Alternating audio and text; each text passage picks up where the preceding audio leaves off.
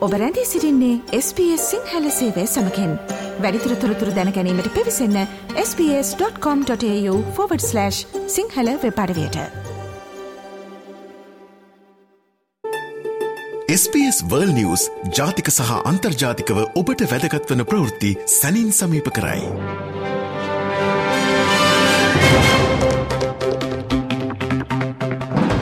අද ඔක්තෝබර් මාසය දහත්තුන් වනිදා සිකුරාදා අපි ලෝකෙ වටේ රවමක් කිහිල්ලා ලෝකයේ සිදුවන උණුසුම් සහ වැදගත්තොරතුරු මොනවද කියලා හොයල බලන්නයි. දැන් සූදානම් වන්න ස්පේ සිංහල ගොන් ඉදිලෙන් අපේ ලෝවට විදස් විත්ති සමාලෝචනෙන් අපි අදත් සම්බන්ධ කරගන්නවා ඒපි ප්‍රෘතිජාලය මාධ්‍යවේදී විදෙස් විත්තිවාර්තාකරු අමල් ජයසිංහ මාතා. අමල් අයිබෝන්න සුබදැසනක් කියල පිළිගන්නවා. අයිබුවන් මදුර හොඳෑමල් අපිට ප්‍රධාන වශයෙන්ම මූලික අවධානයමු කරන්න මේ වෙලාවේ තිබෙන්නේ ලෝකේම අවධානය යොමුවෙච්ච ඉතාම කේදනීය පුවතක් වෙතටයි. තමයි ඊශ්‍රායිලයේ පලස්තීනය නැවතත් යුදගිනි ඇවිලීම. මේකට හේතුව මොකක්ද? මේකට වගකිය යුතු පාර්ශව කවුරුන්ද කියන කාරණාව සම්බන්ධයෙන් මේ වන විට ලෝකේම කතාබහාවමින් පවතිනවා. නමුත් මෙතනදි අමල් එක්ක කලින් කතාබහ කිරීමේදී අමල් කිව්ව මේක මෙයා පාස්කු ප්‍රහාරය දෙකද කියලා. ඇත්තටම ලෝකයේ සුපිරිම ඔත්තු සේවය තියෙන ඊශ්‍රායිලයටත් මේ ප්‍රහාරය පිළිබඳව දැනගන්න හම්බුන්නේ නැහැ කියන කාරණා පිළිබඳව තමයි දැන් මේ වන විට ලෝකය කතාබහ කරමින් පසුවන්නේ. අපි කැමතිය මුලින්ම ඒ සම්බන්ධය නවධානය යොමු කරන්නට. මදුර මේක ඉතාමත්ම ආන්දෝලනාත්ම කතාවක් වෙනවා මොකද දැනට ඊජිප්තුවේ බුද්ධ්‍යංස මගින් මේ පිළිබඳ මෙවැනි ප්‍රහාරයක් සිදුවිය හැකි කියලා ඊට දින තුනකට කලින් ඉස්රායිල් බලධාරින් දැනුවත් කළයි කියලා වාර්තා වෙනවා. දැන් මේ පිළිබඳ අනාවරණයක් කරන්නේ ඇමරිකාවේ සෙනෙට් සභාවේ විදේශ කටයුතු පිළිබඳ කොමිටිය සමාජිකයෙක් වන මයිකල් මැක්කෝල් කියන රිපබ්ලිකන් පක්ෂයේ නියෝජිතයෙක්. ඔහු ජනමාධ්‍යවේදීන්ට ප්‍රකාශ කරලා තියෙන්නේ ඊජිප්තුවේ ආරක්ෂක අංශ ඔවුන් මේ පිළිබඳ ඔවුන්ට යම්කිසි දැනුමක් තිබිලා මේ පිළිබඳ ඉංගියක් ඔවුන් ඊස්රායල් බලධාරීන්ට ලබා දුන්නයි කියලා මේ ප්‍රහාරය වළක්ව ගන්න. නමුත් මෙතනදී ඊස්රායල් බලධාරීන් ඒ පිළිබඳ නිසි අවධානයක් යොමු නොකරපු නිසා තමයි මේ විදිහට දැවැන්ත ප්‍රහාරයක්. ඒ කියන්නේ ඊශ්‍රායලයේ ඉතිහාසයේ දරුණුම ප්‍රහාරය ත්‍රස්තවාදී ප්‍රහාරය හැටියට සැලකෙන මේ ප්‍රහාරය සිද්ධ වෙන්න ඉඩ දුන්නේ මේ බුද්ධි තොරතුරු ලැබිලත් ඒ අනුව ක්‍රියා කරපු නැති නිසායි කියලා. දැන් මෙතන මේක ඉතාමත්ම ආందోලනාත්මක කාරණාවක් වෙන්නේ ඔබ කිව්වා වගේ ඊශ්‍රායලයේ තියෙන මේ මොසාඩ් උත්තු සේවය එහෙම නැත්නම් මේ බුද්ධි අංශය ලෝකයේ ප්‍රබලම සහ ලෝකයේ ඊ타මත්ම කාර්යක්ෂම බුද්ධි අංශය හැටියට තමයි බොහෝ දෙනෙක් හඳුන්වන්නේ. ඉතින් එවැනි බුද්ධි අංශයකට මෙවැනි ප්‍රහාරයක් එල්ල කරන්න. ඒ කියන්නේ රොකට් 5000ක් ඊශ්‍රායලයට ඊ타මත්ම කෙටි කාලයක් තුළදී එල්ල කරන්නට. ඒ වගේම සිය ගණනක් හමාස් සමාජිකයන්ට ඊශ්‍රායලයේ සහ මේ ගාසා තීරය වෙන් කළා තියෙන මේ දේශ සීමාව කඩාගෙන ඒ තියෙන වැට ඒ වැට සහ ඒ අනෙකුත් බාධක ඉවත් කරගෙන මේ ප්‍රහාරය එල්ල කරන්න ඕන්නට ඒ සඳහා සැරසෙන්න කාලයක් යන්නට ඇති. සති ගණනක් බොහෝ විට මේ මේ පිළිබඳව සැලසුම් කරන්නට. නමුත් ඒ කිසි තොරතුරක් කිසිම ඉඟියක් ඊස්ට්‍රායල් බලධාරීන්ට නොලැබුණයි කියලා හිතන්නට අමාරුයි කියලා තමයි මේ විදියට මේ තොරතුරු ලැබිලා තියෙන්නේ. ඉතින් මේ ඇමරිකාවේ විදේශ කටයුතු පිළිබඳ මේ කොංග්‍රස් කමිටුව Uh, ඔවුන් මේ කළපු ප්‍රකාශය සම්බන්ධයෙන් ඊස්ට්‍රයිල් අගමැති uh, බෙන්චනින් නෙටනියාහු මේක ප්‍රතික්ෂප කළ තියෙන ඔහු මේක ෆේක් නිවස එකක් හැටියට හඳුනල තියෙනවා. නමුත් අපිට ඒ එක්කම ඊජිප්තුවේ බලධාරීන්ගෙන් uh, දැනගන්න ලැබෙන ඔවුන් සනාත කරනවා. ඔවුන් මේ විදිහේ තොරතුරක් කලින් ඔවුන්ට ලැබිලා ඔවුන් මේක ලබා දුන්න. නමුත් ඒ ලබා දුන්න තොරතුරට අනුව ඊස්ට්‍රල් බලධරින් ක්‍රියා කරේ නෑ පමණක් නෙවෙයි ඒකට ඒ අවශ්‍ය සැලකිල්ල ඒ වැදගත්කම වැදගත්කමක් නැතිව කටයුතු කරපු නිසා තමයි මේ විදිහට මේ දැවන්ත ප්‍රහාරයක් සිද්ධ වුණේ කියන කාරණාව දැන් ඉස්මතු වෙලා තියෙනවා. හොඳයි අමල් මේ වන විට ඊශ්‍රයිලයේ සිටින වෙනත් රටවල පුරවැසියන් ඊශ්‍රයිලෙන් ඉවත් කර ගැනීමේ මෙහෙවුම් සිද්ධ වෙන්න මුණනාකාරන්ද කියලත් අපි පැහැදිලි කිරීමක් කරමු. මේ වෙනකොට බදුර දැන් දෙපාර්ශවයෙන්ම මියගිය සංඛ්‍යාව දෙදස් පන්සිකට අධික වෙන මොකද ඉස්ට්‍රාලය තුළ ජීවිතක්ෂයට පත්වෙච්ච ඉස්ට්‍රාල් පුරවසයන්ගේ සංඛ්‍යාව එක්දස් දෙසියක් හැටියටත් ඒ වගේම ඒ ඉස්ට්‍රාලය ප්‍රතිප්‍රහාර එල්ල කිරීම නිසා ගාසා තීරයේ ජීවිතක්ෂර පැත්තච්ච සංඛ්‍යාවත් ඊට සමාන හෝ ඊට වඩා වැඩි කියලා සඳහන් වෙනවා. ඒකම ගාසා තීරයේ පලස්තීන ජාතිකයන් 5000ක් විතර තුවාල ලබලා තියෙනවා. ඒ වගේම ඊශ්‍රායල් ජාතිකයන්ු 2500ක් විතර තුවාල ලබලා තියෙනවා කියලා. ඉතින් මේ අතරතුර දැනට ඊශ්‍රායලය සහ ඒ ගාසා තීරයේ සිටින විදේශිකයන් ඉවත් කර ගැනීම සඳහා මේ වෙනකොට හැම රටක්ම වගේ පියවර ගනිමින් ඉන්නවා.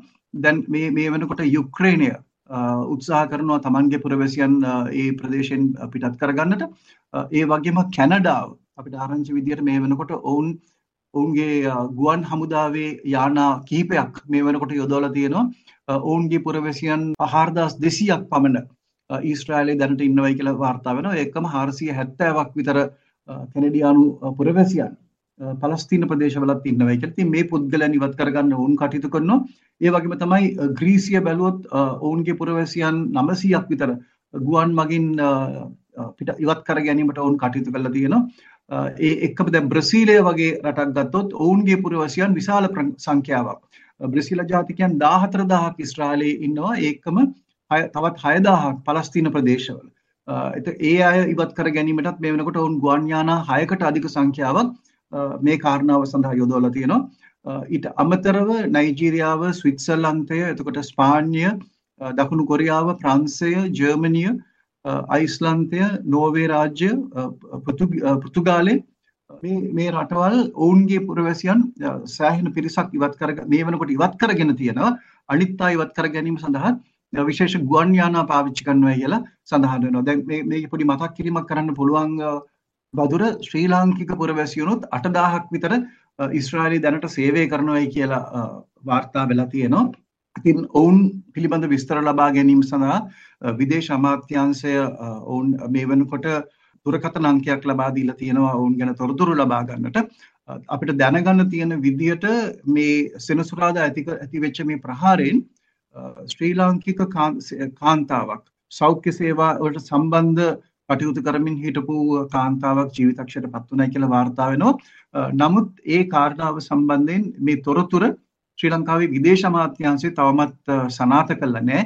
ශ්‍රී ලංකා විදේශ අමාත්‍යාංශය ප්‍රකාශ කරන්නේ මේ ප්‍රහාර වලින් පස්සේ ශ්‍රී ලාංකීය පුරවැසියන් දෙදෙනෙක් තවමත් ආගිය අතක් නැtei කියලා කාන්තාවක් සහ පිරිමි පුද්ගලෙක් මේ දෙපළම අවුරුදු 49ක විතර වගේ වයස පුද්ගලයන් දෙදෙනෙක් ඔවුන් ගැන තොරතුරක් තවම නැහැ කියලා තමයි නිල වශයෙන් සඳහන් වෙන්නේ. නමුත් නිල නොවන වශයෙන් අපිට දැනගන්න ලැබුණා විශේෂයෙන්ම ඊශ්‍රායලයේ සමාජ මාධ්‍ය ජාලා ඔස්සේ මේ ශ්‍රී ලාංකීය කාන්තාවක් වැඩිහිටි පුද්ගලයෙක් බලාගන්න ඒ සාතු සේවා වල යෙදී සිට කාන්තාවක් ඇය ජීවිතක්ෂයට පත් වුණා මේ හමස් සමාජිකයන් ඊශ්‍රායලයේ මේ ප්‍රදේශයට කඩා වැදිලා ඔවුන් කරපු ඒ වෙඩි තැබීම අහඹු ලෙස වෙඩි තවාගෙන ගියපු ඒ අවස්ථාවේදී මේ සෙනසුරාදා දිනේම ඇය ජීවිතක්ෂයට පත් වුණා කියලා. නමුත් අර මම කලින් කිව්ව විදිහට මේ මේ තොරතුරු සම්බන්ධයෙන් ශ්‍රී ලංකාවේ විදේශ අමාත්‍යාංශය ඒක තවමත් තහවුරු කරලා නැහැ. හොඳයි අමල් අද වන විට මේ හමා සංවිධානයේ මේ ප්‍රහාරයෙන් මරුමුවට පත්වෙච්ච සහ තුවාල ලැබූ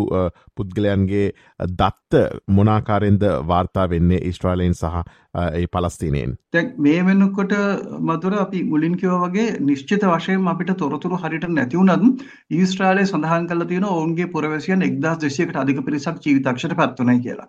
ඒකම පලස්තීන පැත්තෙනුත් අපිට වාර්තාාවන ඒ හා සමානම පිරිසක් ජීවිතක්ෂයට පත් වනයි කියලා ඊස්ට්‍රෑලය විශේෂම ගුවන් හමුදාව ඒ ගුවන් ප්‍රහාර ආරම්භ කිරීමත් එක්කල මේ විදිහට ඒ ප්‍රදේශයේ එක්දස් දෙසියක් විතර ජීවිතක්ෂයට පත්වලා පන්දාක් විතර තුවාල වුණයි කියලා. දැන් මෙතන ඊට අමතරව තවත් සෑහෙන පිරිසක් ඉන්නවා මధుර විදේශිකයන් ජීවිතක්ෂයට පත්වෙත්. අපි බැලුවොත් විදේශිකයන්ගේ සංඛ්‍යාව දිහා බලුවොත් වැඩිම විදේශිකයන් සංඛ්‍යාවක් ජීවිතක්ෂයට පත් වුණා කියලා වාර්තා වෙන්නේ ඇමරිකානු පුරවැසියන් ඔවුන් මේ වෙනකොට විසි දෙකක් ජීවිතක්ෂයට පත් වනා කියලා එකන් ඉස්්‍රයිලි තුළ හමස් ප්‍රහාරය ප්‍රතිඵලයක් හැටියට විසි දෙකක් ජීවිතක්ෂයට පත් වනා කියලා වාර්තා වෙනවා. තායිලන්ත පුරවැසියන් විස්සක් එතකොට ප්‍රංසපුරවැසියන් දහ දෙනෙක් नेपाල ජාතිකයන් දහයක් එතකොට ආජන්ටීනියාවේ ආජන්ටීනියාවේ හත් දෙනෙක් තව රුසියාවුණු පුරවැසියන් හතර දෙනෙක් ඒකම බ්‍රිතාන්‍යත් පුරවැසියන් හතර දෙනෙක් ජීවිතක්ෂයට පත් වනයි කියලා සඳහන් වෙනවා. ඊට අමතරව කැනඩාවේ තිදෙනෙක් චිලි රාජ්‍යයේ එක් පුද්ගලෙක් සහ යුක්‍රේන් ජාතිකයෙන් බැලුවම ඔවුන් තුන් දෙනෙක් ජීවිතක්ෂර පත් වුණයි කියලා සඳහන් වෙලා තිනවා. අනෙකුත් අපි ගත්තොත් පෙරු රාජ්‍ය, පිලිපීනය, අසබයිජානය, කැම්බෝඩියාව සහ කැම්බෝඩියාව වගේ රටවල් බලපුවම ඒ රටවල එක්කෙනෙක් හෝ දෙන්නෙක් ජීවිතක්ෂයට පත් වෙලා තව කීප දෙනෙක් අතුරුදහන් කියලා සඳහන් වෙනවා. ජර්මනිය ඔවුන්ගේ පේ වෙනකොට ජර්මන් පුරවැසියන් කිහිප දෙනෙක් තවමත් ආගේ අතක් නැහැයි කියලයි සඳහන් වෙන්නේ. ඒ වගේම මෙක්සිකෝ රාජ්‍යය, කොලොම්බියාව, ඔස්ට්‍රියාව, ඉතාලිය, පැරගුවේ එතකොට ටැන්සානියාව අයර්ලන්තය වගේ රටවල් වලත් කීප දෙනෙක් අතුරුදහන් වුණයි කියලයි සඳහන් වෙන්නේ මම හිතන්නේ මේ ඕස්ට්‍රේලියාවේ දැනටමත් වාර්තාල වාර්තා වෙලා ඇති එක ඕස්ට්‍රේලියානු පුරවැසියෙකුත් මේ ප්‍රහාරය නිසා ජීවිතක්ෂයට පත් වුණයි කියලා මේ වෙනකොට සනාථ කරලා තියෙනවා හොඳයි ඊශ්‍රයිලේ පලස්තීනයේ ඒ කේදවාචකයෙන් අනතුරුව තවත් කේදවාචකයක් මේ සතිය මුලදී වාර්තා වනා ඒ ඇෆ්ගනිස්ථානෙන් තවත් දරුණුතම භූමිකම්පාවන්න කිහිපයක් ඇෆ්ගනිස්ථානෙන් වාර්තා වනා ජීවිතහානිත් සමග මේ භූමිකම්පාවේ නවතම තතුවෙත්තිත් එක් මේ වන විට සිද්ධ වෙච්ච හානිය පිළිබඳව අපි සිහිපත් කරමු අමල්. මදුර මේ සතියන්තයේ තිබිච්ච මේ භූමිකම්පාවෙන් විශාලතම භූමිකම්පාවෙන් පස්සේ තවත් භූමිකම්පා කීපයක් මේවට අපි කියන මේ ආෆ්ටර් ෂොක්ස් කිහිපයක් ඇති වුණා. ඒකේ විශාලතම භූමිකම්පාව තමයි බදාද ඇති වෙච්ච එක. ඒක රික්ටර් මාපකයේ 4.5ක විතර වගේ එකක් කියලා තමයි සඳහන් වෙන්නේ. ඉතින් ඒ ආෆ්ටර් ෂොක් එකෙනුත් යම් පිරිසක් ජීවිතක්ෂරපත් වෙලා තවත් විශාල පිරිසක් තුවාල ලැබුවයි කියලා සඳහන් වුණා. අර මුලින් ඇතිවෙච්ච මහා භූමිකම්පාවෙන් දෙදහකට අධික පිරිසක් ජීවිතක්ෂයට පත් වුණයි කියලා මුලින් වාර්තා වුණාට දැන් ඇෆ්ගන් බලධාරීන් විශේෂයෙන් මේ තලිබාන් පාලකවරුන් ඔවුන් කියා සිටිනවා. දැන් සංඛ්‍යාලේඛන ගැන ඔවුන් මේ සෝදිසි කළාට පස්සේ ඔවුන්ට දැන් කියන්න පුළුවන් කියලා මේ එක්තරා විදිහකට මේක අපි හිතුව තරම් දරුණු නැහැ. නමුත් 1000ක විතර 1000ක් විතර පිරිසක් මේ භූමිකම්පාවෙන් පීඩාවට පත් වෙන නැත්නම් ජීවිතක්ෂයට පත් වුණයි කියලා. මුලින් වාර්තා කිරීමේදී මොකද මේ හේරත් ප්‍රාන්තයේ මේ භූමිකම්පාවෙන් වැඩිම පීඩාවට පත්වෙච්ච ප්‍රදේශවලට ඒවායේ sannivedanaya හරියට තිබුණේ නැති නිසාත් ඒ ප්‍රදේශවලට ළඟා වෙන්නට බැරි වෙච්ච නිසාත් බොහෝ වෙලාවට මේ මරණ සංඛ්‍යාව හරියටම වුණට වාර්තා කරන්න බැරි වුණා. ඒ නිසා තමයි මුලින් 2000ක් කියලා දැන් ඒක 1000කට අධික පිරිසක් හැටියට ඒක නැවතත් නම් කරලා තියෙනවා. නමුත් මේ වෙනකොට එක්සත් ජාතීන්ගේ සංවිධානය ඉල්ලීමක් කළා තියෙනවා මේ පුද්ගලයන් විශේෂයෙන්ම ඒ ප්‍රදේශයේ තියෙන ගෙවල් සියල්ලම වගේ ගම් සම්පූර්ණයෙන්ම විනාශ වෙච්ච නිසා එක්සත් ජාතීන්ගේ සංවිධානයට අවශ්‍යයි කියලා මේ අයට සහන සැලසීමට ආධාර ලබා දෙන්න කියලා ජාත්‍යන්තර ආයාචනයක් කළා තියෙනවා ඔවුන් වලින් ඔවුන්ට ඒ සහන ලබා දෙන්න මුදල් ආධාර කරන්නට කියලා. මේකෙන් එක්සත් ජාතීන්ගේ ළමා අරමුදල විශේෂ ඉල්ලීමක් කරනවා ඔවුන් ප්‍රකාශ කරනවා. මේ ජීවිතක්ෂයට පත්වෙච්ච පුද්ගලයන්ගේ සංඛ්‍යාදියා බලපුහම සියට අනුවක්ම මේ භූමිකම්පාවෙන් විපතට පත්වලා තියෙන්නේ කාන්තාවන් සහ ළමුන් කියලා. ඉතින් ඒ කාන්තාවන් ළමුන් සියට අනුවක් මේ ඛේදවාචකෙන් ජීවිතක්ෂයට පත්වෙච්ච නිසා ඔවුනට ඒ විශේෂ ආරක්ෂාව සහ යනකුත් සහන කටයුතු සලස්වන්නට යුනිසෙෆ් සංවිධානය බලාපොරොත්තු වෙනවා ලෝක ප්‍රජාවගෙන් තවත් මීට වඩා වැඩි ප්‍රතිචාර හොඳ ප්‍රතිචාරයක් ඒ සහන සේවා කටයුතු ලබා දීමේ ඒ ඒ බැරෑරුම් කාර්ය ඉදිරියට ගෙන යන්න සහයක් ලබා ගැනීම සඳහා. අද දවසේ අපේ අවසාන අවධහන යමුවන්නේ ඔස්ට්‍රලියාවට සහ චීනයට. මේ රටවල් දෙකේ රාජ්‍යතාන්ත්‍රික සම්බධතා වෙළඳ සම්බධතා පිළිබඳව නිරන්තරයෙන්ම උස්පහත්වන කතා අපිට අසන්නට ලැබෙනවා. මේ වන විට වාර්තාාවන අලුත්ම ප්‍රෘතිය තමයි වස්සර තුනක් පමණ සිරගත කරලා හිටපු ඔස්ට්‍රලයාාවේ වාර්තාකාරණයක් චීනය නිදහස් කිරීමේ සිද්ධිය. මේ වන විට මේ සිද්ධියේ නවතම තොරතුරු පිළිබඳව අපි සටහන් කරමු අමල්. මදුර මෙතන චෙන් ලී කියන මේ මාධ්‍යවේදිනිය ඇය අවුරුදු තුනක සිරදන්නුවමක් අවසාන කළැන් පස්සේ ඇයව ඔස්ට්‍රේලියාවට නැවත පිටමං කලා කියන කාරණාව තමයි චීනය සඳහන් කළේ. ඇය සේවය කරේ චීන රාජ්‍ය පාලනය අටතේ තියෙන රූපවාහිනි නාලිකාවක් වන CGTN කියන ඒ නාලිකාවට තමයි ඇය සේවය කරේ.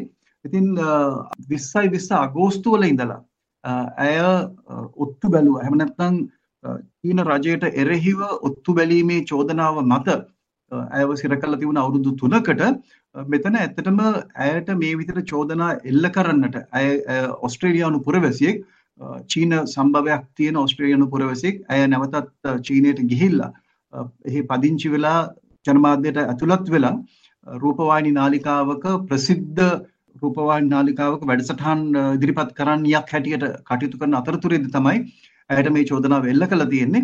නමුත් ඕස්ට්‍රේලියානු රජයේ දිගින් දිගටම මේ ප්‍රතික්ෂේප කළා තියෙනවා ඇය කිසි කෙනෙක් වෙනුවෙන් ඔත්තු බැලුවයි කියන කාරණාව. ඉතින් ඇයව නැවතත් ඔස්ට්‍රේලියාවට ගෙන්වා ගැනීමට නොයෙකුත් ප්‍රයත්නයන් ඔස්ට්‍රේලියාව අරගෙන තිබුණා. නමුත් මේ දෙරට අතර තියෙන රාජතාන්ත්‍රික හැලහැප්පීම නිසා ඒ කාරණාව යට ගිහිල්ලා තිබුණා. ඉතින් ඇතරම ඇයව අත්අඩංගුවට ගැනෙන්නෙත් මේ දෙරට අතර තියෙන ඇයි හොඳයි පළුදු වෙච්ච අවස්ථාවක ද්විපාර්ශික සම්බන්ධතාවයේ ඊටාම පහළ මට්ටමකට වැටෙන අවස්ථාවේ තමයි මේ චෙන් ලී කියන මාධ්‍යවේදිනියව චීන බලධාරීන් අත්අඩංගුවට අරගෙන ඇය සම්බන්ධයෙන් ඒ විශේෂයෙන්ම ඔස්ට්‍රේලියානු තානාධිපතිවරයාටවත් එම නඩු අහන අවස්ථාවට සහභාගී වෙන්න ඉඩ නොදී තමයි චීන බලධාරීන් ඇයව වර්ධකරු කරලා අවුරුදු තුනක හිරියට නියම කරන්නේ. ඉතින් පහුගිය කාලේ දෙරට අතර මිත්‍රත්වයේ නැවත ගොඩනැගීමේ ඒ පියවරයන් ඉදිරියට යෑමේ ප්‍රතිඵලයක් හැටියට තමයි බොහෝ විට ඇයට මේ විදිහට හිරෙන් නිදහස් වෙලා නැවතත් ඕස්ට්‍රේලියාවට එන්න අවස්ථාව ලැබුණේ කියන එක සඳහන් වෙනවා. ඉතින් මේකත් එක්කලා රාජතාන්ත්‍රික මට්ටමින් දෙරට අතර තියෙන සම්බන්ධතාවය ඒ paludu වෙච්ච සම්බන්ධතාවය එය යම්කිසි විදිහකට අලුත් වැඩියා කළ හැම නැත්නම් සමතයකට පත් කරලා දෙරට අතර තියෙන රාජතාන්ත්‍රික සම්බන්ධතාවය සාමාන්‍යතට හැරවීමේ කටයුත්තක සුබ ලකුණක් හැටියට තමයි මේක වාර්තා වෙලා තියෙන්නේ. හොඳයි ඒ ප්‍රෘතියත් සමගින් අපි අද දවසේ ලොවට විදිස් විති සමාලෝචනය නිමවට පත් කරන්න සූදන වන්න අපිත් සමඟ අදත් සම්බඳුනේ ඒප ප්‍රෘතිජාලයේ මාධ්‍යවේදී විදෙස් විත්ති වාර්තාකරු අමල් ජයසිංහ මහතා. අමල්ල බොහොමත්ම ස්තුතිවන්ත වෙනවා අපි ලබන සතියසි කුරාදා නැවතත් හමයමු සුබ දවසක් ප්‍රාථනා කරනවා. අයිබෝන් මදුර. SBS SBS SBS SBS SBS SBS Radio